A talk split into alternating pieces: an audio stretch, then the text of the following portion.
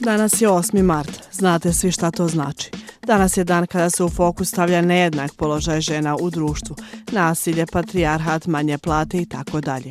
Realno tako bi trebalo da bude svaki dan, a ne da se ponašamo kao da smo 8. martom riješili problem. One, two, three, ja sam Una Čilić, ovo je podcast Šta ima, a ja sa 8. martom ne rješavam problem. Već 9. marta i 15. maja i 10. decembra bilo kojeg drugog dana kolegica Asija i ja na Radio Slobodna Evropa vodimo ženske sjenke, pod stranicu na kojoj govorimo o rodno uslovljenom nasilju. Uprkos Istanbulskoj konvenciji koja je u BiH stupila na snagu 2014. nasilje nad ženama i dalje je sve prisutno.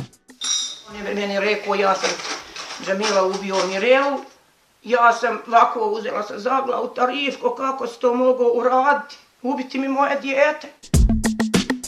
Koji to oživci ostaju nakon nasilja, kako porodice i žrtve nastavljaju dalje sa životima za ovijek obilježenim traumom? Ovo su neka od pitanja na koja tražimo odgovore.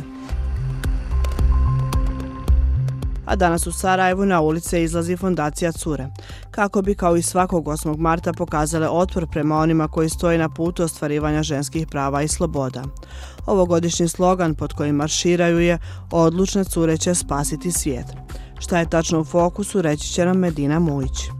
Odlučne smo da preuzmemo moć i spasimo svijet od retradicionalnih politika koje urušavaju svjetsku sigurnost, slobode i prava koja su ustanovljena na osnovu demokratskih zakona, rezolucija, konvencija i protokola, a nažalost u praksi se jako malo primjenjuju.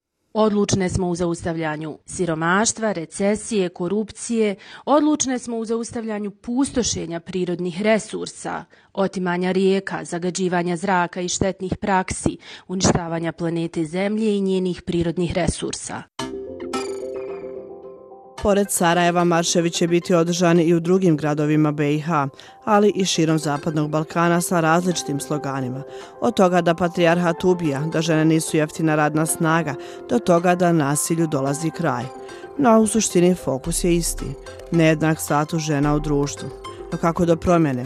Dok čekamo institucije, izmjene i promjene narativa u društvima, Medinu sam pitala šta je to što mi same možemo uraditi sami i same možemo doprinijeti promjeni na način da ne pristajemo slijediti ustaljene društvene norme ponašanja koji su vrlo često produkt patrijarhata ili negativnih tradicionalnih praksi. Ukoliko svaka od nas pruži otpor tome, mi već učestvujemo u promjeni i pravimo promjene.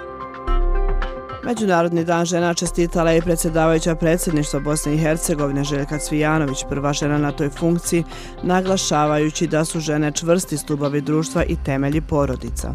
Ona je pored ostalog rekla kako su žene pokretači mnogih društvenih procesa i da je obaveza i odgovornost društva da nastavi borbu kako bi žene postigle rodnu ravnopravnost u pravom smislu te riječi. One, two, three, Danas se također održava i niz događaja koji bi trebalo da daju podršku ženama u pokretu, kao i marginaliziranim ženama. A inovacije i tehnologija za rodnu ravnopravnost su u fokusu teme kojom Ujedinjene nacije ove godine obilježavaju 8. mart. Prema njihovim podacima, 259 miliona žena manje nego muškaraca ima pristup internetu, a žene su u velikoj mjeri nedovoljno zastupljene u nauci, tehnologiji, inženjeringu i matematici. Zbog toga je fokus ove godine na izgradnji jednake digitalne budućnosti. On this International Women's Day, Na Međunarodni dan žena imamo četiri poziva. Uklonite sve barijere za pristup digitalnom svijetu. Obrazujte djevojke i žene u STEM-u. Omogućite ženama da stvaraju tehnologiju koja će biti u skladu sa njihovim potrebama. Uklonite online rodno zasnovano nasilje. Postoji brojna druga dugoročna pitanja, uključujući siromaštvo i nasilje. Izvještaj Svjetske zdravstvene organizacije iz 2021. godine otkrio da je skoro jedna od tri žene širom svijeta tokom svog života bila izložena fizičkom ili seksualnom nasilju. Zbog toga ovaj dan trebamo iskoristiti i da naglasimo važnost prijave nasilja, ali i prije svega, kao što je rekla povjerenica za zaštitu ravnopravnosti u Srbiji Brankica Janković, ženi se mora vjerovati mora se verovati kada vam neko prijavljuje nasilje. A ako niste znali, prva proslava 8. marta bila je 1911. godine u Austriji, Danskoj, Njemačkoj i Švicarskoj, kada se preko milion ljudi okupilo da podrži prava žena. A znate ko danas proslavlja 23 godine? Brčko distrikt. Sretan nam 8. mart, ovdje vas ostavljam. Sa vama su sutra Aida i Lela u još jednoj epizodi podcasta Šta ima. Sada već znate gdje nas možete naći. Ćao!